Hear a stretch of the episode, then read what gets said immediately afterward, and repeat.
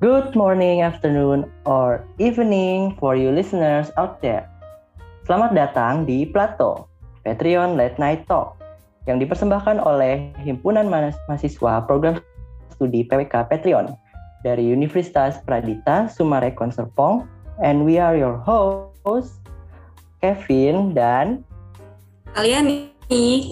Oke, okay, so thank you for making us a part of your week. So, we are here to educate, inform, and inspire all of you listeners terkait dunia perencanaan kota. Dan karena ini podcast yang dibuat oleh a bunch of student, mahasiswa-mahasiswa aktif yang penuh dengan tantangan, rintangan dalam kuliah. Nah, tentunya nanti episode-episode yang akan ada terkait kehidupan mahasiswa. So, stay tuned for what's gonna come more. Nah, hari ini kita sudah kedatangan bintang tamu, yaitu Pak Randy Akbar. Halo Pak Randy. Halo, halo, halo. Selamat Hai. malam semuanya ya. Selamat malam. Selamat datang ya. Bapak. Ya, ya, Pak. Terima kasih sudah datang ya, Pak. Nah, jadi kita hari ini akan ngobrol-ngobrol dengan Pak Randy nih terkait uh, tata ruang Jakarta. Uh, so uh, mungkin untuk memulai, apa kabar Pak Randy? Alhamdulillah sehat semuanya. Oh, ya, alhamdulillah ya. Uh, untuk sekarang kesibukannya apa nih? Apa selain mengajar, jadi dosen itu, adakah? Ya seperti biasa, uh, mungkin kaitannya itu tadi eh, kalau ngajar kan jadi kewajiban utama ya. Selain itu ada beberapa kegiatan sih di luar dalam artian eh, ada kegiatan kaitannya dengan tata ruang seperti itu. Wah, berarti pas cocok nih ya sama tema hari ini ya. Iya, temanya ini agak berat ini kayaknya ya. oh enggak kok, enggak berat-berat banget kok Pak. Tenang aja. Maksud saya pembahasannya ya. ya tapi kita santai kok Pak, tenang aja. Iya. Kita buat okay. santai aja ya berarti ya. Iya, tenang aja, kita santai kok. Oke, kalian nih mungkin. Nah, Nih Pak, pada malam hari ini udah banyak banget nih pertanyaan yang masuk ke kita dari para listeners di luar sana. Yang pertama itu, gimana sih Pak menurut uh, pendapat Bapak, Bapak nih opini, opini Bapak tentang Jakarta yang merupakan tataan kota terburuk? Itu gimana sih Pak menurut Bapak itu tentang uh, apa eh, isu-isu tentang Jakarta yang dibilang dengan tataan kota terburuk? Oh, oke okay, kalian nih uh, gini ya. Uh, kita santai aja kali ya. Jadi memang uh, mungkin sebelum kita bahas lebih dalam ya atau kita diskusi tata ruang atau tata kota lah kita ngomong ya. Katanya tata kota di Jakarta itu terburuk sedunia bahkan ya katanya ya. Seperti itu ya. Saya nggak tahu kalau nggak salah seperti itu bunyinya ya. Kalau nggak salah juga uh, itu asalnya uh, dari media media luar ya. Media luar kalau nggak salah media arsitektur terkait RTF ya. Uh, rethinking the future ya. Terkait uh, peringkat apa istilahnya tata ruang ya dalam artian Jakarta salah satu yang terburuk gitu ya mungkin uh, kalau kita bicara terkait itu mungkin uh, banyaklah aspek ya sebetulnya ya kaitannya dengan kenapa Jakarta disebut sebagai uh, salah satu tata kota ya yang terburuk sedunia. Mungkin yang paling uh, istilahnya yang paling menjadi main issue ya itu terkait sebetulnya seperti yang uh, kita tahu ya uh, Jakarta mungkin uh, jumlah penduduknya cukup padat ya dalam artian uh, di tahun 2021 ini uh, kalau tidak salah hampir 10 jutaan lebih ya untuk uh, jumlah penduduk yang ada di kota Jakarta ini. Bisa kalian bayangkan nggak? Uh, kalian berdua bayangkan jumlah penduduk uh, 10 juta itu seberapa banyaknya ya? Iya, iya. Kalau misalnya uh, di uh, luasan Jakarta yang sekian hektar ya. Ini mungkin terkait itu tadi daya tampung dan daya dukung ya. uh, Jakarta itu memang sudah nggak ideal ya dalam artian uh, Jakarta sebagai ibu kota negara itu menjadi salah satu daya tarik ya dari sisi ekonomi kemudian banyak hal lah lainnya ya buat para pendatang gitu ya. Mungkin kalau kalian berdua pernah tahu mungkin ya uh, Jakarta itu mungkin uh, dominan dominan ya penduduknya ya. Itu mungkin salah satunya adalah para pendatang sebetulnya ya. Nah itu yang mungkin mempengaruhi sebetulnya kaitannya kenapa uh, tata kota Jakarta termasuk yang terburuk kaitannya itu mungkin uh, terkait daya tampung ya, yang mana dari daya tampung itu sebetulnya uh, mengerucut ya uh, atau bukan mengerucut sebetulnya melebar ya ke permasalahan-permasalahan lainnya gitu, gitu ya. Jadi memang uh, kalau kita lihat Jakarta itu sebetulnya uh, permasalahan cukup cukup uh, rumit ya untuk uh, untuk dalam artian mungkin untuk diselesaikan ya. Mungkin kalau kalian sudah kalian sudah pernah studio kan ya? Iya. Yeah. Uh, kalian nih kalian nih kalian nih baru angkatan berapa kalian? Saya angkatan belum ya kalian? Belum. Ya berarti. Tapi OTW kayaknya. Saya baru studio proses perencanaan. Nah, studi proses kan? Yeah. Kalau studio proses dalam artian kan uh, selalu berangkat dari permasalahan ya untuk menyelesaikan istilahnya uh, kalau kita ngomong uh, di studio ya. Nah, kalau kita ngomong di Jakarta nih, permasalahannya itu tadi, complicated tadi ya. Salah satunya mungkin didasari itu tadi daya daya tampungnya ya, hmm. yang sudah ya melebihi dari uh, daya dukung atau daya kapasitas yang ada di Jakarta idealnya gitu ya.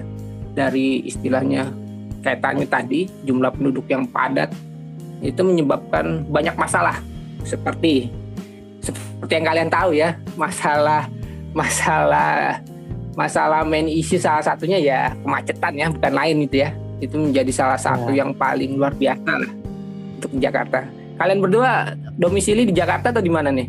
Oh kalau saya kan Cibubur masih masuk Bekasi sih Pak. Cuman ya masih dekat-dekat lah ya Pak. Jabodetabek. Berarti kalian ini orang Jakarta iya, betul Pak. Saya Jakarta Selatan. Nah kan mungkin yang bikin istilahnya apa ya? Kalian nih misalnya kamu bikin kamu tidak betah hidup di Jakarta itu salah satunya mungkin bisa jadi kemacetan itu ya. Dalam nah, artian macet. itu tadi kaitannya. Polusi. Iya kan macetnya itu kayak nah itu tadi dari macet merembet ke masalah lain ya. Salah satunya tadi polusi mungkin kalian bilang ya.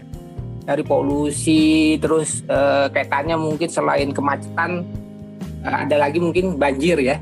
Nah, banjir juga uh, mungkin akhir-akhir mungkin jarang ditemui ya. Kalau kalian pernah uh, dengar berita ya, uh, salah satu banjir Jakarta itu kaitannya banjir musiman sebetulnya ya. Dia ada semacam siklusnya ya 10 tahun sekali gitu ya. ya. Nah, itu mungkin yang terkait uh, salah satu apa dalam arti ini tadi ya uh, tata ruang kaitannya menyelesaikan permasalahan perkotaan gitu ya kenapa tata ruang Jakarta dianggap uh, salah satu yang uh, terburuk? Mungkin kaitan itu tadi ya, belum dapat menyelesaikan masalah-masalah perkotaan yang ada saat ini gitu ya. Kayak tadi macet, kemudian kebanjiran, uh, banjir ya. Terus kaitannya mungkin uh, kumuh, salah satu menjadi main isu juga kan di Jakarta. Ya. Kumuh ya. Nah, uh -uh. itu cukup merata ya. Nah, dari tiga hal itu mungkin kita ambil tiga hal itu deh mungkin banyak permasalahan lainnya ya yang berkembang ya dari kumuh mungkin bisa merembet ke tingkat kriminal gitu kan ya. Dalam arti itu kita nggak usah banyak-banyak deh. Dari tiga permasalahan itu deh. Mungkin kalau kalian perhatikan di Jakarta masih banyak ditemui ya eh, terkait tiga masalah tadi. Dalam artian tata ruang Jakarta atau tata kota ya eh, yang ada di Jakarta belum dapat eh, menyesuaikan tiga permasalahan itulah. Kalau kita tarik itu tadi. Kayak istilahnya kalau kita ngomong di studio ya uh, masalah masalah intinya itu ya terkait jumlah penduduk yang sudah sangat uh, meningkat seperti itu. Saya rasa itu sih kenapa tata kota Jakarta dianggap terburuk karena belum dapat menyelesaikan permasalahan-permasalahan perkotaan ya yang cukup istilahnya cukup uh, cukup apa ya cukup signifikan ya terkait kaitannya dengan kenyamanan berhuni gitu ya. Kayak kalian ini tadi kan ya, uh, mungkin nggak tahu. Kalau menurut kalian ini mungkin kira kira-kira ada nggak yang buat kamu uh, apa ya nyaman gitu di Jakarta? Masa isinya uh, isinya ketidak nyamanan gitu gimana kalian coba? Kalau Jakarta saya tinggal tinggal di Jakarta tuh yang bikin saya nyaman aksesnya sih Pak. Ke sana sini tuh gampang udah gitu. Di Jakarta itu banyak apa ya kayak banyak buat tempat-tempat berpergian ya kayak jajan tempat jajanan itu banyak sih itu yang bikin saya nyaman pak tapi selebihnya mah enggak deh kayak macet ya mungkin suka petanya di tadi uh, lebih banyak tempat hiburannya gitu kalian ya. Iya. Apalagi benar, untuk anak muda gitu ya bisa nongkrong dan lain sebagainya. Mungkin itu salah satu daya tarik sebetulnya ya buat orang-orang di daerah sebetulnya. Tiba-tiba orang-orang di daerah ngumpul semua di Jakarta gitu ya, baik kaitannya mencari pekerjaan, terus dan lain sebagainya. Itu kan menambah beban sebetulnya terkait beban perkotaan. Seperti itu sih kalau pendapat saya ya secara umum terkait uh, apa uh, kabar yang menyebutkan tata kota Jakarta salah satu yang terburuk di dunia gitu ya seperti itu. Hmm, wah menarik banget. Ini padahal baru nomor satu loh Pak. Tapi jawabannya udah meluas gitu. Tapi saya menggarisbawahi ini sih Pak. Kan tadi Bapak bilang uh, Jakarta itu kan kebanyakan pendatang. Berarti secara uh, tidak langsung Bapak percaya ini mungkin ya secara tidak langsung mungkin Bapak percaya bahwa urbanisasi juga uh, turut andil dalam uh, menciptakan permasalahan-permasalahan yang udah bapak sebutkan itu ada yang ada tiga itu kemacetan, terus ada segala apa pemukiman kumuh dan juga akhirnya menjadi kriminalitas itu. Hmm. Begitu ya Pak? Oh jelas, iya memang itu dalam artian uh, sebenarnya ini ya uh, ini menjadi uh, salah satu apa uh, pola pikirnya ya uh, terkait migrasi sebenarnya kalau saya ngomongnya sih perpindahan penduduk di sini bukan urbanisasi sih ya uh, lebih ke migrasi penduduk ya kalau kalau pendapat saya ya tapi nggak hmm. tahu ya kalau urbanisasi kalau menurut saya bukan kaitannya bukan ke perpindahan penduduk sebetulnya. Kalau saya ngomong uh, perpindahan penduduk lebih ke migrasi ya. Dalam artian memang migrasi ini menjadi salah satu hal yang cukup uh, apa cukup uh, berdampak ya. Mungkin kalau kalian sering lihat berita ya uh, puncak uh, perpindahan penduduk atau migrasi orang ke Jakarta itu pada saat momen-momen tertentu ya. Seperti kayak Lebaran gitu ya. Lebaran terus ya uh, ya inti pas Lebaran sih ya. Setidaknya dalam artian kan para pendatang ini biasanya uh, pulang kampung ya pada saat Lebaran gitu ya. Nah pada saat pulang kampung mungkin uh, apa pendatang yang sudah menetap di Jakarta ini kan cerita gini ya ke sanak saudara atau teman di kampungnya gitu ya terkait kehidupan di Jakarta gimana gitu ya. Mungkin dengan cerita itu menjadi sebuah kaitannya uh, membuat uh, para apa sanak saudara sanak saudara atau teman yang ada di daerah itu menjadi sangat menarik gitu ya untuk uh, apa bermukim di Jakarta gitu ya jadi dalam artian kaitannya itu tadi uh, pada saat Lebaran momennya uh, momentumnya mungkin tepat ya. Jadi mungkin pada saat uh, arus balik gitu ya, uh, sanak sanak saudara atau keluarga atau teman atau sahabat dibawa tuh ke Jakarta dalam artian itu menjadi salah satu efek juga sebetulnya uh, kaitannya dengan jumlah penduduk yang semakin uh, padat gitu ya. Seperti itu sih emang Kevin. Ah. Ini baru segini aja kita udah dapat informasi banyak ya kok ya. Iya nih. Luas banget bener-bener. Oke, lanjut. Oke, ini bisa saya langsung next pertanyaan aja ya. Yang itu ada lagi uh, apa sih Pak permasalahan tata permasalahan-permasalahan tata ruang kota yang menurut Bapak tuh lebih apa ya ke lebih spesifik kayak gitu deh. Itu menurut Bapak gimana tuh Pak? permasalahan ya ini kaitannya dengan Jakarta ya. Mungkin tadi sudah saya singgung sebetulnya kalian ya. Kaitannya tadi kemacetan gitu ya. Nah itu mungkin uh, kalau kita ngomong macet di Jakarta itu nggak ada ujungnya kayaknya. Saya nggak tahu kalian mungkin sudah pernah merasakan macetnya di Jakarta gitu ya. Atau Kevin mungkin sudah pernah saya udah pak dari saya lahir udah ngerasain macetnya oh, iya. saya saya kebetulan sering ke Jakarta sih pak nah ini dia Tetanya mungkin kita nggak usah ngambil banyak topik deh permasalahan ya. Kita mungkin ambil beberapa topik deh ya. Kayak kemacetan aja deh yang paling mungkin uh, paling sering didengungkan ya kalau di berita di mana-mana ya kemacetan deh inti Jakarta itu. Ini kaitannya ini sih. Uh, tadi mungkin kaitannya mungkin dengan saya nggak tahu uh, Jakarta itu memang uh, serba terlambat kalau saya ngomongnya gitu ya. Uh, kayak uh, seperti penyediaan transportasi massal khususnya ya, yang istilahnya yang terintegrasi ya. Uh, mungkin kalau uh, saat ini mungkin sudah lebih baik ya dengan adanya MRT, LRT gitu kan.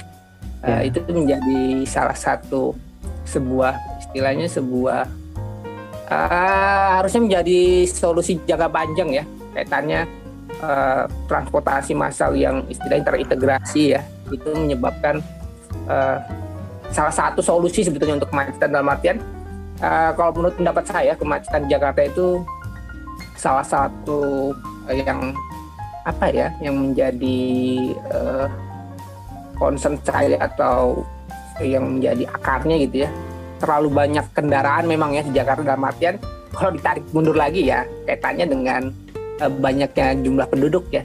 Terus kalau ditarik lagi mungkin kaitannya dengan uh, transportasi massal yang istilahnya uh, tidak cukup baik gitu ya untuk Jakarta. Mungkin uh, tadi saya sempat uh, menyinggung ya cukup terlambat gitu ya untuk uh, transportasi massal yang nyaman gitu ya. Dulu saya nggak tahu uh, kalian ini mungkin sudah pernah naik bis kota nggak kamu? Kopaja gitu. Pernah nggak kamu naik kalian ini pernah bapak. Cuman waktu saya masih kecil. Kan sekarang ya, udah jarang-jarang kan. nah iya. Dulu kan mungkin itu salah satu andalan ya kopaja. Dalam artian dulu juga kopaja uh, apa uh, istilahnya juga memiliki apa ya bukan tren ya. Dalam artian uh, istilahnya kalau Kopaja itu kalau yang diingatkan saya ya itu dia istilahnya berhenti di mana saja gitu dalam artian ya semau supirnya ya. Dalam artian itu terkadang um, menyebabkan kemacetan juga ya. Dalam artian uh, sekarang kan sudah jarang kelihatan Kopaja ya. Salah satunya mungkin dengan adanya busway ya. Nah busway munculnya busway itu atau Transjakarta kalau kita ngomong ya itu juga cukup terlambat ya. Baru ada di Jakarta itu kalau tidak salah di tahun 2000-an ya saya lupa tepatnya kayak 2004 kalau tidak salah ya. Itu untuk uh, tataran sebuah kota besar ya. Uh, itu cukup terlambat ya. Dalam artian Jakarta sebagai kota metropolitan ibu kota negara baru memiliki transportasi yang nyaman di tahun 2004 gitu. Bedanya mungkin di luar negeri ya. Saya nggak tahu Kevin kayak sudah pernah ke luar negeri nih. Kalau di luar negeri itu kan transportasinya kan sudah lebih mapan ya. Kayak yeah. uh, tram gitu ya itu mungkin sudah mulai zaman dulu sudah ada itu. Kalau di Indonesia ya baru muncul kayak tadi busway yang istilahnya nyaman gitu ya. Itu baru ada di tahun 2004 gitu. Dalam artian uh, sudah keburu banyak kendaraan logikanya ya di jalanan gitu. Sudah istilahnya uh, bukan pola pikir ya. Kalau menurut saya lebih ke uh, mungkin salah satunya pola pikir ya masyarakat Jakarta ya. Lebih nyaman menggunakan kendaraan pribadi daripada kendaraan umum gitu ya itu iya. terkadang yeah. uh, menjadi salah satu masalah yang cukup complicated ya makanya kalau kita ngomong masalah kemacetan itu kayak uh, mencari solusinya kayak mencari jarum di tumpukan jerami gitu ya sebetulnya apa yang dilakukan pemerintah sekarang saya rasa itu baik ya dengan mengembangkan uh, transportasi massal yang terintegrasi ya khususnya ya kaitannya mungkin MRT dan LRT itu seperti itu kita kalau ngomong kemacetan eh, nggak uh, ada ujungnya kayaknya untuk Jakarta ini. Salah satu uh, isu, isu isu yang cukup besar gitu ya kalau menurut saya. Seperti itu. Nah, uh, mungkin selain kemacetan sendiri sebagai permasalahan ya gitu Pak, apakah ada lagi kayak misalnya degradasi lahan gitu kan ya? Kita kan selalu dengar gitu uh, degradasi lahan hijau yang tadinya lahan hijau dibuat mm -mm. jadi pembangunan gitu kan iya ya Terus, itu kalau istilahnya uh, konversi lahan ya kayak uh, RT Hamsoy lahan hijau di Jakarta mungkin uh, sangat jarang ketemu uh, apa ruang terbuka atau lahan kosong khususnya ya. lahan kosong kalau di Jakarta kan sayang gitu ya, lebih baik dikomersilkan gitu ya. Itu makanya petanya mungkin eh, nggak ada ujungnya lah kalau kita cari uh, apa akar masalahnya ya. Makanya kalau kayak degradasi, degradasi lahan atau konversi lahan itu kalian bilang itu memang menjadi masalah uh, bukan hanya di Jakarta sebetulnya. Kota-kota besar juga seperti itu ya. Petanya tadi jumlah penduduk yang makin padat mau tidak mau kan istilahnya ya mengubah uh, apa lahan-lahan kosong yang belum uh, istilahnya belum uh, produktif gitu ya diubah menjadi kayak permukiman dan sebagainya gitu ya. Nah itu memang uh, sebetulnya permasalahan hampir di semua kota besar itu kalau menurut saya. Nah itu uh, kaitannya tadi uh, bagaimana uh, harusnya sebetulnya kaitannya uh, penyediaan RTH sebetulnya ujungnya ya. Terkadang uh, uh, ruang publik tuh kadang terkadang masih uh, dikesampingkan gitu sama pemerintah ya dalam artian uh, kalau kita lihat di undang-undang ya di peraturan kan standar minimal RTH ya di sebuah kota atau kabupaten itu kan 30% dari luas wilayah gitu ya. Yeah. Nah, itu mungkin agak cukup sulit ya. Apalagi kalau kita ngomong sebuah kota besar kayak di Jakarta gitu. Kalau kita kaitannya dengan kota-kota istilah kota kecil ya kayak kabupaten, pedesaan gitu oke okay lah ya. Untuk kota-kota besar memang agak-agak berat gitu. Sebetulnya terkait uh, apa degradasi degradasi lahan untuk konversi lahan memang tidak kalau menurut saya tidak bisa dihindari lah untuk ukuran sebuah kota besar gitu ya seperti itu. Oh. Seperti itu sih kalau pendapat saya. Iya iya. Oke. Okay. Hmm, mungkin pertanyaan selanjutnya kan Oke. Okay. Banyak banget nih. Pak. Banyak banget nih Pak. Gak sabar kan Pak? Jadi. Tapi gimana kalian ini? Katanya ibu kota mau pindah nih kan? Kamu nggak sedih gitu kalian nih? Saya nggak tahu mau sedih apa seneng Bapak. Iya, itu isu ibu kota pindah sebetulnya menjadi hal yang menarik ya. Uh, kalau kita kaitkan dengan apa Jakarta saat ini ya, Uh, saya nggak tahu ya. Kalau menurut saya malah berdampak baik sebetulnya harusnya ya. Kaitannya itu tadi dengan isu pemindahan apa ibu kota ya. Uh, kaitannya mungkin kita nggak nggak usah ngomong jauh-jauh. Kita ngomong kaitannya dengan tata ruang atau tata kota Jakarta ya dengan pemindahan misalnya gitu ya pemindahan ibu kota ya dalam artian mungkin uh, saya rasa itu akan menjadi suatu hal yang baik ya kaitannya itu tadi mungkin kemungkinan kalian bayangkan gini deh di Jakarta itu kan uh, sebagai pusat kegiatan ekonomi juga pusat kegiatan apa coba? Pemerintahan bukan nih? Ya kan? Di situ kan banyak yeah. kementerian, kelembagaan ya. Kumpulnya kan di Jakarta semua gitu kan. Nah, itu kan uh, dengan isu pemindahan ibu kota uh, mau tidak mau kan kalau kita ngomong uh, ibu kota istilah Jakarta sebagai pusat pemerintahan kan juga akan dipindahkan ya. Itu juga kan mengakibatkan mungkin uh, bukan perpindahan ya, pemindahan juga kaitannya dengan kementerian kelembagaan ya. Dalam artian ya para ASN gitu ya. Saya lupa jumlah penduduk eh, jumlah ASN yang ada di Jakarta itu kayaknya ada jutaan ya. Saya lupa 2 juta atau 3 juta ya di Jakarta. Dalam artian hmm. itu cukup uh, juga cukup signifikan biasanya ya untuk uh, kaitannya mungkin jadi uh, sebuah modal baru menurut saya ya buat uh, Jakarta untuk istilahnya mempersiapkan gitu ya.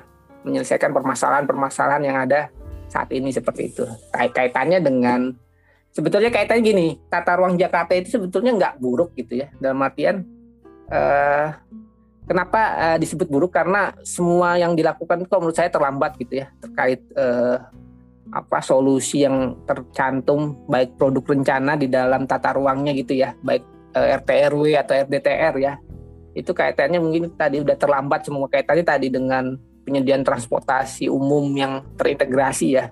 Itu baru ada di tahun 2000 tadi kan saya sebut 2004an kalau tidak salah ya. Nah itu sudah terlanjur uh, terlambat gitu ya. Seperti itu makanya. Kadang itulah masalah klasik uh, di Jakarta atau khususnya di Indonesia. Semua serba terlambat kalau menurut saya. Seperti itu Oke Bapak, ini udah infonya udah banyak banget nih Pak. Jadi kayak semacam kuliah nggak sih ini? Enggak. Enggak, Ini kita dapat info-info penting sih sebenarnya Pak. Gitu ya. Semoga saja ya. Nah oke, mungkin saya langsung next pertanyaan aja ya Pak. Ya silakan. Ini by the way kalau boleh tahu pertanyaan ini berupa polling atau nanya gimana atau gimana kok bisa muncul pertanyaan ini? Oh, ini kita bikin question box dari Oh, listeners-listeners dari di luar sana gitu. Mereka uh, kasih pertanyaan ke kita buat Bapak gitu, buat Bapak jawab. Hmm. Mantap, mantap. Iya, oke mungkin langsung aja Kal. Oke, thank you. Nih, jadi Bapak, ada tanggapan yang terkait pernyataan John Biden yang memprediksikan bahwa Jakarta akan tenggelam beberapa tahun ke depan terkait penurunan permukaan tanahnya itu. Nah, menurut Bapak, tanggapan dari John Biden itu gimana sih? Saya saya ketawa dulu gak apa-apa ya iya nggak apa-apa. untuk pertanyaan ini khususnya. Mungkin kalau saya tertawa banyak yang paham lah maksud saya gitu ya. Jadi dalam artian eh, sebetulnya ini isu-isu ini sudah saya bawa sebetulnya ke apa ke studio ya, eh, studio studio kita ya. Dalam artian eh, terkait penurunan muka air tanah itu tadi ya. Nah, penurunan muka air tanah itu memang eh, saya rasa dengan eh, kita ngomongnya lebih jauh deh ya. Eh, mungkin eh, penurunan muka air tanah ini bukan hanya terjadi di eh, Indonesia ya. Kaitannya mungkin eh, daerah-daerah atau negara-negara yang memiliki wilayah pesisir pasti akan mengalami ini. Dalam artian kan eh, dengan semakin tuanya umur bumi kita ini ya, ceritanya seperti itu ya. Kan eh, dalam artian kalau kalian pernah nggak tahu eh, mencari tahu dalam artian melihat dokumenter kayak di National Geographic itu kan sudah banyak gitu ya terkaitan dengan mencairnya eh, es di kutub utara atau kutub selatan ya. Nah itu kan menyebabkan eh, dengan mencairnya es kan katanya eh, makin banyak eh, air ya di lautan gitu ya. Nah itu kan volume air kan bertambah gitu ya. Nah itu kan mengakibatkan muka air tanah menjadi semakin tenggelam gitu ya. Itu kan asal usulnya sebetulnya dalam artian masalah itu bukan hanya untuk Jakarta atau wilayah Pantura gitu ya di Indonesia gitu ya, tapi ya di belahan dunia mengalami inilah hal ini seperti itu. Jadi dalam artian memang ini menjadi masalah bersama sebetulnya kalau menurut saya ya terkait eh, penurunan muka air tanah gitu ya.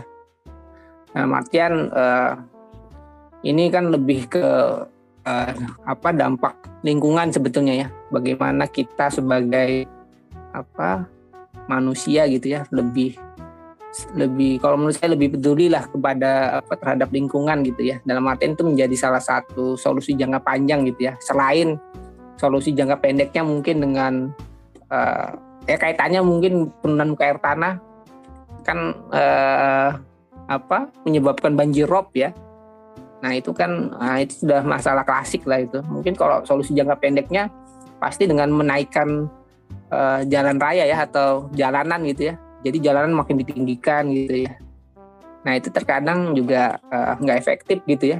Dengan rob dalam artian ya tiap tahun bakal terulang gitu. Makin tinggi jalannya ya air juga akan mengikuti gitu. Jadi memang eh, kalau menurut saya itu solusi yang kurang solutif ya. Kayak tanya tadi lebih ke masyarakatnya sebetulnya ya. Bagaimana eh, masyarakat lebih siap gitu sebetulnya eh, dengan adanya efek-efek atau perubahan eh, perubahan lingkungan khususnya ya. Tanya tadi penurunan muka air tanah gitu. Seperti itu kalau menurut pendapat saya. Jadi itu bukan masalah kita saja sebetulnya di Jakarta kalau kalian domisili. Masalah eh, seluruh umat manusia kalau menurut saya itu. Jadi memang agak complicated lah. Seperti itu sih. Oke, berarti semua ini karena uh, apa pemana perubahan iklim bumi ya Pak yang semakin panas jadi Ya. sehingga Hmm, uh, kutub esnya jadi cair dan air laut Hmm. jadi makin naik dan kebetulan nih Pak uh, saya studio proses perencanaan saya itu uh, saya ambil daerah Jakarta Utara nih Pak. Nah kebetulan Jakarta Utara kan juga suka terjadi yang namanya banjir rob. Nah, mm -hmm. itu saya baca gitu kan Jakarta Utara kok bisa sih ini tanahnya turun terus terus uh, permukaan air lautnya eh apa air lautnya kok makin naik gitu. Jadi ternyata selain kutub es yang mencair itu juga pemakaian air tanah yang berlebihan itu juga berpengaruh ya Pak. Oh iya, sangat jelas berpengaruh. Uh, uh, kan kalau orang apa ngebor dalam artian uh, tanah ngebor untuk mencari air ya itu juga menyebabkan muka air tanah makin turun ya. Maka kalau menurut saya lebih ke yang menyebabkan uh, masalah setannya tadi ya penurunan air tanah dan sebagainya itu lebih disebabkan oleh manusia itu sendiri sebetulnya ya.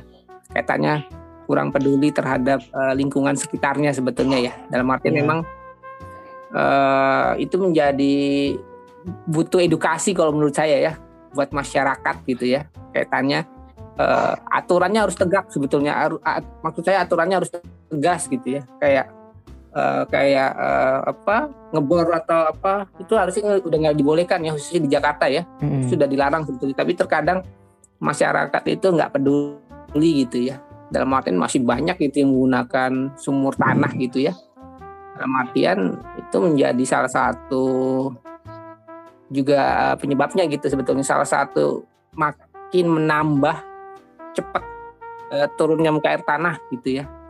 Makanya uh, mungkin bisa jadi di Jakarta ya disebut tenggelam gitu ya. Bisa jadi karena salah selain uh, itu tadi uh, isu global yang saya sampaikan terkait itu tadi apa yang Kevin sampaikan ya itu menjadi mempercepat gitu ya. Makin istilahnya makin mempercepat isu dalam artian uh, makin cepat tenggelam lah kalau kita ngomong ya Jakarta ya. Selain itu tadi banyak sebetulnya kaitannya dengan tadi udah saya singgung uh, enggak kayak singgung kayaknya dengan konversi lahan itu juga menyebabkan sapan air berkurang kan. Iya. Semakin banyak lahan terbangun gitu ya. Nah, itu juga menyebabkan makin turun juga muka air tanah gitu. Jadi memang uh, banyak hal yang harus diperbaiki lah kalau kita ngomong kaitannya dengan ini muka air tanah. Oh, berarti studio proses kalian uh, Jakarta Utara juga atau hanya kelompokmu gitu? gitu? Uh, kelompok Gimana? kelompok saya Jakarta Utara, tapi untuk satu angkatan itu kita semua ambil DKI Jakarta. Jadi ya, uh, kalau saya utara. yang kakak tingkat kalian ini studionya ya terkait ini sama persis terkait isu ini. oh. Enggak itu uh, mungkin kebetulan saya dapat infonya kayak gitu pak. Iya. Makanya maka info ini cukup uh, sebetulnya emang agak apa ya membuat uh, kaget kali ya, mencengangkan juga kayak gitu ya. Kaitannya dengan iya. Jakarta tenggelam gitu ya. Jadi hal yang heboh mungkin di awal munculnya berita ini seperti itu. Iya, itu Owen sampai pindah rumah tuh Pak. Masa? Pindah ke mana dia? Ke Bogor gitu, yang tinggi nggak banjir dari, dari Jakarta Utara ke Jakarta Timur dia. Oh Mungsi. Jakartanya. Saya kira pindah pindah ke daerah yang lebih tinggi gitu. Tapi setidaknya udah siap gitu. Kalau misalnya terjadi apa-apa. nggak ya bercanda. Oke. Okay. uh, eh, kan tadi kan udah banyak nih kan permasalahan-permasalahan tata ruang Jakarta yang bapak sebut. Terus bapak sempat singgung kan uh, mungkin karena kita uh, dari pemerintahnya itu mungkin terlambat gitu ya Pak. Iya. Nah selain itu ada nggak sih hambatan dan tantangan terbesar dalam penyelesaian uh, permasalahan-permasalahan tata ruang Jakarta ini selain uh, pemerintah yang terlambat mungkin atau uh, warga yang kurang edukasi? Ya, uh, itu tadi uh, mungkin sebetulnya sudah bisa dirangkum sebetulnya apa yang saya sampaikan tadi ya. Jadi memang uh, kaitannya mungkin uh, tadi ya uh, dua poin sudah uh, Kevin perjelas lagi ya. Kaitannya ini kait uh, kalau kita ngomong tata ruang berarti kan ada kaitannya penyelenggaraan penataan ruang ya. Itu terkadang uh, tidak tidak cukup apa ya kalau menurut saya banyak pelanggaran masih terkait penataan ruang di Jakarta ya. Dalam artian mungkin dibiarkan gitu ya. Atau kurang tegas bisa jadi uh, pemerintah dalam uh, apa kaitannya tadi uh, pelanggaran penataan ruang ya kaitannya mungkin dengan peraturan peraturan-peraturan yang sudah disusun gitu banyak di sana uh, pelanggaran-pelanggaran yang ada gitu ya. Mungkin kaitannya Jakarta sebagai kota besar ya, itu kan banyak perusahaan-perusahaan besar ya.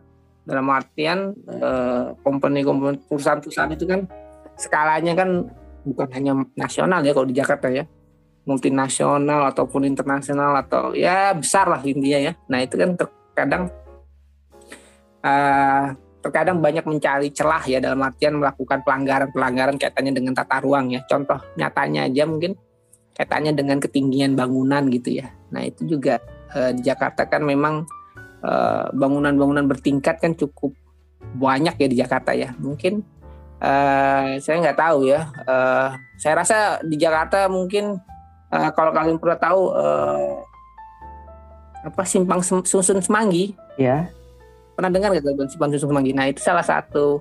Sebetulnya ini wah bukan solusi sebetulnya terkait pelanggaran-pelanggaran yang mungkin sebagai uh, apa ya sanksi ya buat para istilahnya buat para uh, pelanggar ya. Kaitannya dengan penataan ruang terkait ketinggian bangunan ya.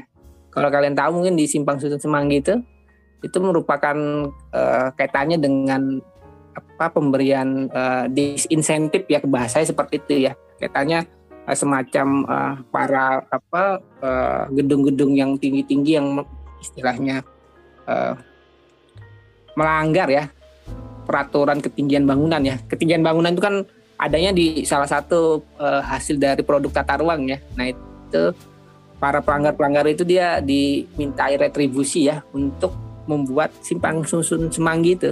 Jadi simpang susun semanggi itu merupakan hasil dari itu sebetulnya para apa pelanggar-pelanggar penataan ruang sebetulnya itu menjadi oh. solusi sebetulnya ya. Dalam artian uh, itu data dananya mungkin nggak murni dari pemerintah itu. Dalam artian memang itu diambil dari pelanggaran-pelanggaran yang di istilahnya yang diberi disinsentif di sini ya kita ngomong. Jadi kalau kalian hmm. perdalam lagi ya terkait tata ruang ya itu ada yang namanya insentif dan disinsentif ya. Jadi memang kalau yang insentif itu yang sesuai dengan tata ruang biasanya gitu ya diberi insentif baik masyarakat atau pemerintah daerah gitu ya. Nah kalau yang melanggar itu biasanya diberi uh, disinsentif ya. Salah satu itu tadi simpang susun semanggi itu merupakan hasil dari uh, apa istilah kumpulan dana dari para pelanggar-pelanggar itu. Jadi memang uh, itu menjadi salah satu solusi memang kalau bisa di tegakkan sebetulnya ya. Bisa istilahnya bisa menjadi uh, efek jerah mungkin atau uh, bisa untuk membangun infrastruktur lainnya ya yang lebih bermanfaat ya. Kayak simpang susun semanggi kan kaitannya. Uh, mungkin kaitannya untuk menyelesaikan masalah kemacetan juga ya. Kaitannya mungkin ya. Tapi kalau menurut saya juga uh, simpang susun semanggi itu kan menyebabkan menjadi apa ya kesannya ya uh, pemerintah menyediakan jalan gitu ya untuk kendaraan umum makin banyak gitu ya. Dalam arti memang menjadi sebuah uh, apa ya? Sebuah hal yang kayak bertolak belakang begitu ya dengan penyediaan uh, transportasi umum atau pabrik yang ramah gitu ya dengan uh, lebih ramah ke pejalan kaki gitu mungkin sebetulnya lebih menarik kalau pemerintah Jakarta khususnya ya kayaknya dengan penyediaan pedestrian gitu sebetulnya kalau menurut saya ya. Itu menjadi hmm. solusi jangka panjang kalau saya. Kalau nggak tahu kalian nih pernah nggak kalian nih uh, jalan kaki gitu dari pedestrian atau jalan kaki di pedestrian di Jakarta gitu? Pernah nggak kalian? Nih pernah Bapak. orang Jakarta. Dari mana ke mana tuh? Waktu saya main ke Senayan. Saya juga pernah nih dari sini ke Itasa Cipulir. Kalau Senayan itu kan memang sudah bagus ya pedestriannya ya itu memang salah satu yang menarik tuh dengan ada MRT jadi memang kalau seluruh Jakarta gitu pedestriannya kayak di daerah Senayan kan orang jadi nyaman tuh jalan kaki ya. Jadi memang uh, itu mungkin contoh yang baik aja mungkin ya. Di Senayan tuh memang salah satu yang baik untuk uh, jalur pedestriannya ya. Dengan adanya MRT sebetulnya seperti itu. Itu sih kalau menurut pendapat saya. Oke, berarti yang terkait yang itu uh, apa yang terkait pelanggaran yang ketinggian bangunan itu istilahnya uh, dijadiin sponsor paksaan ya Pak buat bukan paksaan ini semacam kayak denda sanksi ya iya denda sanksi tapi ya itu kan jadi kayak uh, apa? Ya itu mungkin kaitannya tadi Kevin sebetulnya uh, banyak uh, pelanggaran penataan ruang ya yang diabaikan gitu ya. Mungkin sudah menuju arah yang lebih baik sebetulnya ya dengan adanya pemberian insentif dan disinsentif itu ya. Sebetulnya kalau dijalankan dengan benar harusnya ya pelanggaran-pelanggaran itu ya harusnya ya berkurang gitu ya seperti itu. Iya, semoga ya Pak. Iya, amin ya. iya. Oke.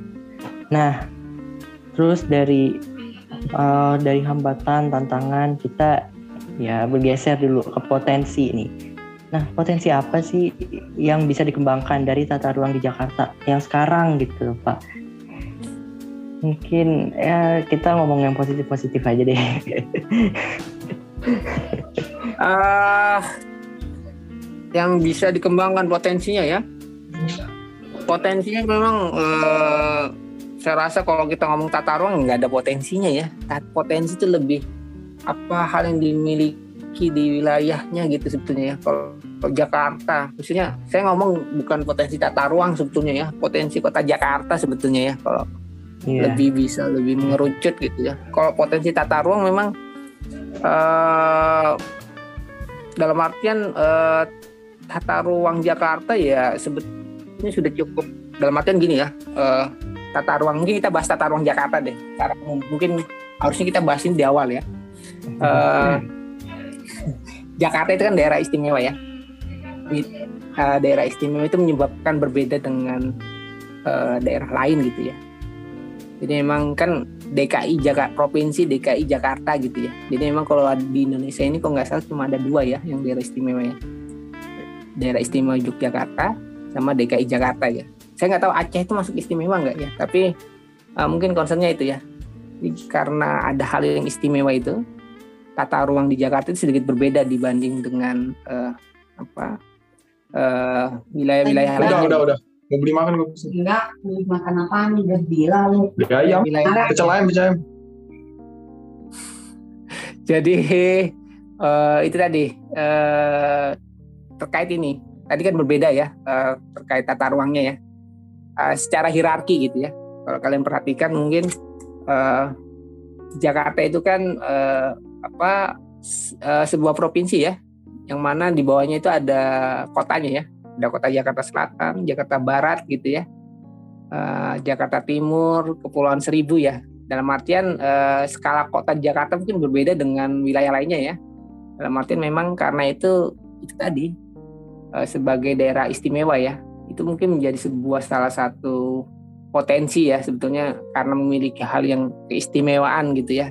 Kaitannya itu tadi sebagai ibu kota pemerintahan dan ekonomi ya. Dalam artian mungkin yang bisa dikembangkan kaitannya dengan uh, ekonomi yang mapan ya harusnya itu menjadi sesuatu hal yang uh, menarik gitu ya untuk Jakarta gitu ya dalam arti uh, sektor yang paling berkembang ya di Jakarta itu mungkin ya sektor kaitannya mungkin yang uh, perdagangan jasa atau perkantoran gitu ya. Nah itu mungkin yang bisa dikembangkan dalam kaitannya dengan mewujudkan tata ruang gitu ya. Dalam arti memang itu bisa istilahnya keluar muncul konsep-konsep yang kaitannya dengan uh, kaitannya mungkin konsep-konsep yang lebih up to date ya dengan kita kalau ngomong tata ruang gitu ya.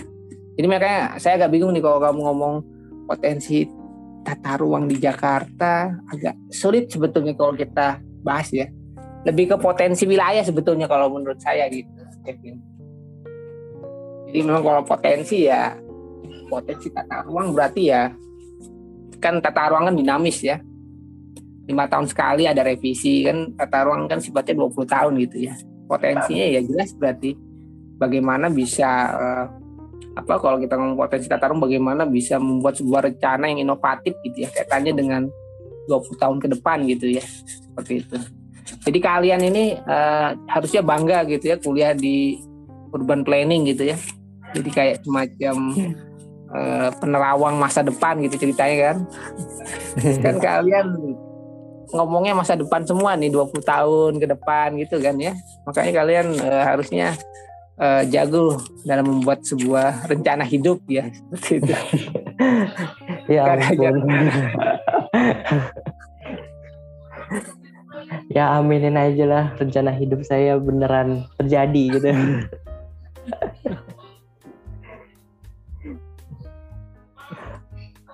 Oke, dari ya mungkin potensi uh, dari potensi wilayah yang terlihat gitu ya Pak. Nah sekarang mungkin uh, strategi apa yang bisa dilakukan oleh stakeholder-stakeholder yang ada terkait uh, permasalahan-permasalahan uh, permasalahan-permasalahan tata ruang yang ada di Jakarta nih Pak.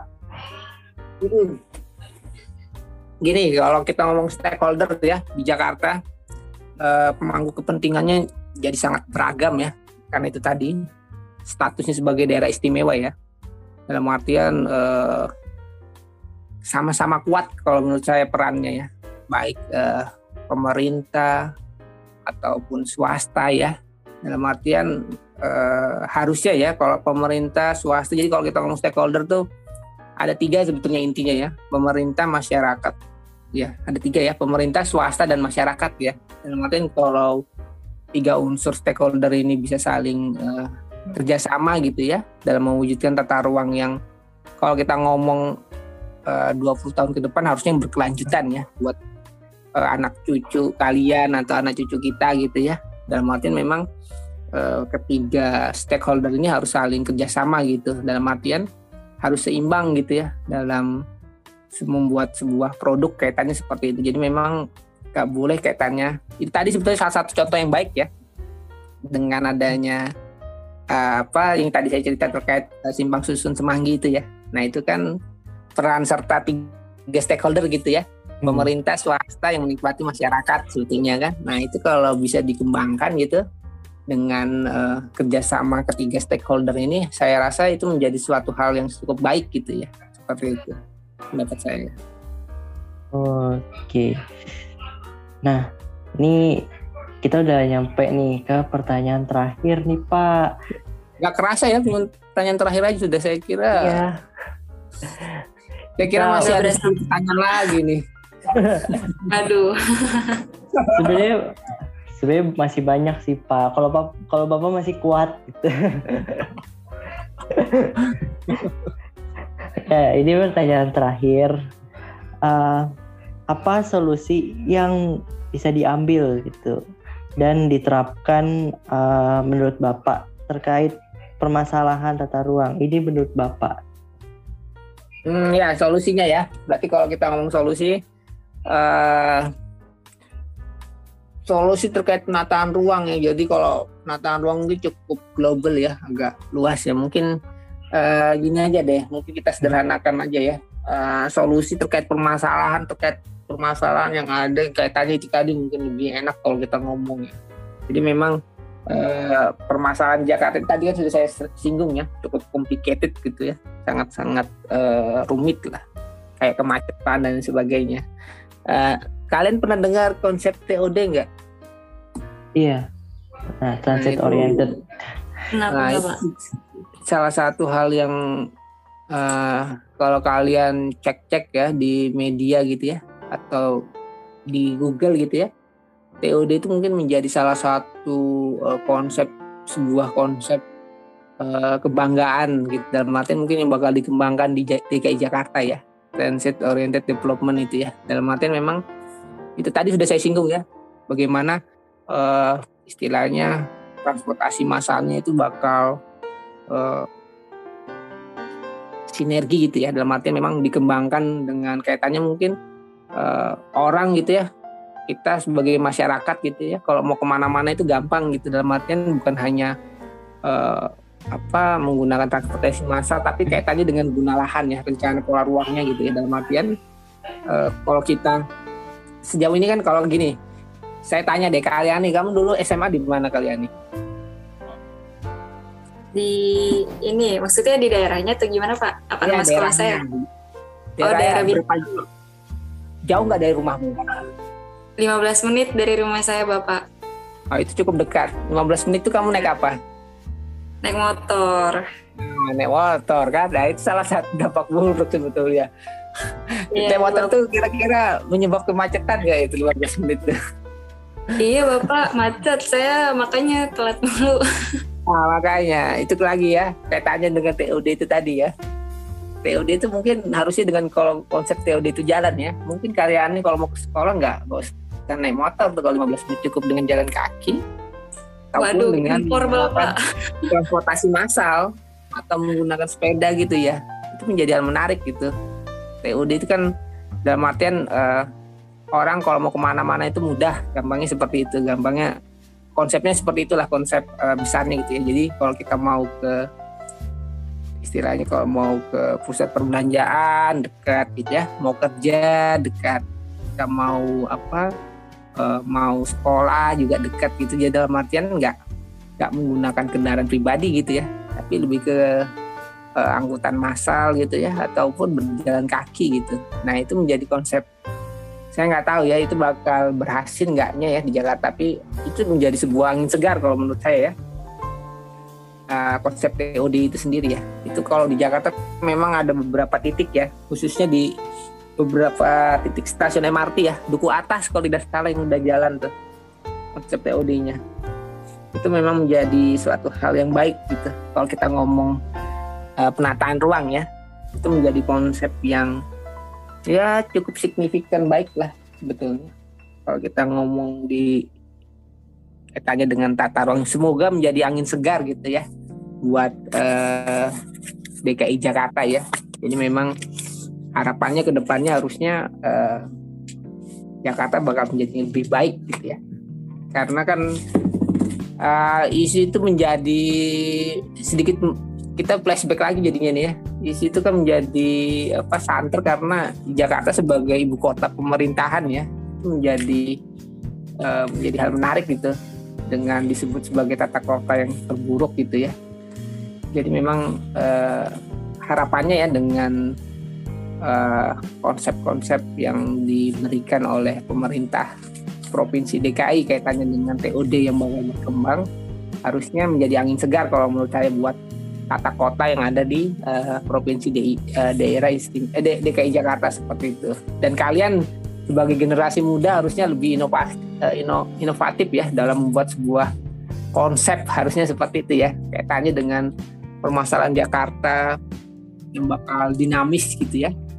Kalian kan sebagai generasi muda nantinya kan kayak kalian nih gitu ya. Terus Kevin dan kakak tingkat dan lain sebagainya yang eh, istilahnya harus lebih inovatif lah gitu ya. Dalam menghasilkan sebuah produk tata ruang kalau kita ngomong tata kota gitu tata ruang lah ya. Seperti itu maksud saya. Itu Iya. Kevin dan kalian kalian by the way depannya angka semua ya Kevin kalian nih ya. Emang sengaja jadi pasangkan atau gimana nih Eh, gak tahu yang buat Thor sebenarnya yang apa memasangkan kita. jago kayaknya buat apa ya skenario kan ini semua kayaknya MC-nya Iya. depannya K semua nih kalian nih Kevin untuk nama saya bukan K Candy gitu ya Jadi triple K. iya makanya iya. Oke. Keke. Jadi oke berarti TOD ya Pak Eh, iya apa solusinya. Cuman kan TOD TOD sih emang lagi apa ya lagi booming boomingnya ya Pak kayak Iya. apalagi di pinggiran Jakarta khususnya tuh daerah saya juga udah banyak nih eh, daerah-daerah TOD gitu. Nah tapi eh, yang saya lihat sih pas sebenarnya itu ke depannya akan bagus. Cuman pas pembangunannya mungkin mungkin, mungkin ya eh, dia ada sedikit ya ada suatu pengorbanan lah yang harus dia eh, laluin kayak misalnya eh, jalan jadi makin sempit betul ya Pak? Ya. Dan semacam. itu tadi Ya, sebetulnya Kevin Kayak karena kita terlambat gitu ya itu kayaknya menyebabkan masalah lain itu semuanya di, disebabkan karena keterlambatan itulah Kevin. makanya ya cukup terlambat lah dengan adanya konsep itu dijalankan sebetulnya. Jadinya itu tadi eh, udah jalannya makin sempit ya dengan ada TOD gitu ya. Dalam artian kalau dari dulu pedestriannya udah lebar-lebar kan harusnya udah aman gitu ya. Tapi memang makanya eh sejarahnya memang dari awal memang agak terlambat. Dalam arti mungkin produk dari dulunya itu memang sudah kurang mengakomodasi masa depan gitu kalau menurut saya. Seperti itu. Iya. Eh, apa udah nge-scroll duluan eh baru kepikiran gitu ya, Pak. Iya. Iya. Tapi emang sih mungkin dulu uh, ngelihatnya uh, apa? Oh ini orang butuh tempat tinggal mungkin. Udah kepikirannya mungkin tempat tinggal kali itu. Iya. Udah kepikiran oh ada transportasi ini harus mikir ini. Udah kepikiran kali ya Pak. Iya, makanya itu kayak sempat terlambat itu. Pikirin ke depannya ya Pak. Iya, makanya kalian eh, makanya kalau seorang planner tuh harusnya eh, apa eh, selalu berpikir masa depan, berpikir jauh lah. Jadi mungkin kalau kalian mau melatih ya tiap bangun pagi gitu ya, kalian sudah harus merencanakan eh, kegiatan kalian tuh mau ngapa-ngapain itu harus direncanakan gitu ya. Nah itu kaitannya mungkin kalian sebagai untuk melatih kalau menurut saya sebagai calon-calon planner muda gitu kan melatih apa eh, ya kalian merencanakan dalam sehari itu harus ngapa-ngapain gitu ya. Itu harus disusun gitu. Itu menarik sebetulnya. Kalau kalian bisa eh, melatih dari diri sendiri gitu ya. Terus nanti terasa kalian bisa kaitannya mungkin nanti dengan eh, kalau kalian kuliah studio gitu ya atau kalian kerja nanti akan istilahnya akan lebih inovatif gitu. Seperti itu sih.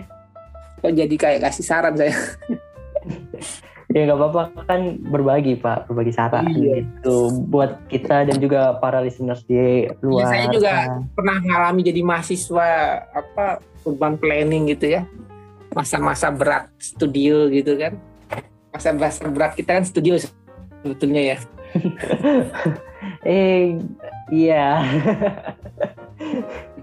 tapi kalian enak nih studio online semua ya nah, coba kalau offline kan Ah. lebih Plus minus sih Pak. Kalau misalnya Gitu ya? datanya nggak ada, ya jiper juga sih Pak sebenarnya. iya kalau saya sih ngomong studio apa online ini kehilangan nyawanya kalau menurut saya memang nggak agak Iya. sulit gitu. agak beda gitu kalau kita lakukan offline gitu ya seperti itu Iya, kalau offline kan kita ngeliat sendiri gitu. Kalau Iya. online cari, kalau nggak ada ya udah gitu. Mau gimana lagi? nggak ada nyawanya makanya itu ya studio online ini kayak Iya. hamba hampa gitu hambar gitu rasanya Ya, oke. Eh, kesim- ya kalian banget ya kok jawaban-jawaban yang Pak Randy kasih nih atas pertanyaan yang tadi. Tapi kok eh, kita tuh nggak berasa banget nih udah mau di penghujung waktu. Nah Pak Randy, kalau saya tadi ambil kesimpulan dari keseluruhan eh, jawaban-jawaban Pak Randy, jadi kan eh, Jakarta kan termasuk dalam eh, tataan kota terburuk karena permasalahan yang cukup rumit kan. Belum lagi adanya kesigapan pemerintah dan makin banyaknya daya tampung yang melebihi kapasitas yang ada. Begitu permasalahan penurunan tanah juga berdampak pada lingkungan. Tapi bila ada, tapi kalau ada kesigapan dari pemerintah, mungkin banget sih bisa memberikan efek yang lebih baik lagi buat perkembangan kota Jakarta. Baik dari segi hambatan, potensi yang ada juga. Nah, namun karena adanya strategi dari eh, stakeholder yang baik, mulai dari pemerintah, swasta, dan masyarakat, itu bisa memberikan efek yang baik juga sih Pak sebenarnya buat Jakarta ke depannya. Betul Pak? Ya betul Oh, mantap. Nah, Mantap. saya, saya mau kayak jago nih cocok jadi apa eh, notulensi nih aduh, Aduh. aduh saya bingung nih baca apaan. aduh, aduh. Ya udah Bapak, saya mau bilang makasih nih Bapak karena Bapak udah Terima kasih banyak ya saya udah diundang gitu ya. Dalam artian eh, temanya menarik sebetulnya. Cuma itu tadi harapan saya sebetulnya pengen diundang podcast tapi tema yang ringan-ringan gitu yang lucu-lucu gitu ya. Tapi kedapatan tema yang cukup berat. Tapi nggak tegang kan Pak? ah, sih. terima kasih sudah diundang ya. Jangan kapok-kapok ya Iya, terima kasih Bapak udah uh, bersedia Hadir di menjadi narasumber di podcast Plato Nah. pada hari ini. Ya. Uh, Oke, kalian nih. untuk listeners luar sana nih, jangan lupa ya pantengin terus next episode selanjutnya karena nggak akan kalah menarik dari episode sebelumnya mau- maupun selanjutnya. dan juga nih sangat bermanfaat nih pastinya buat kita para listeners. Makanya tetap stay tune di next episode selanjutnya. See you the next episode selanjutnya. Ada saya Bye. Bye bye. Ada saya Terima kasih Kaliani. semuanya. Iya, dan saya Kevin, pamit undur diri. Terima kasih dan stay stay healthy. Bye bye. Terima kasih Bapak. Terima kasih Kevin kalian nih.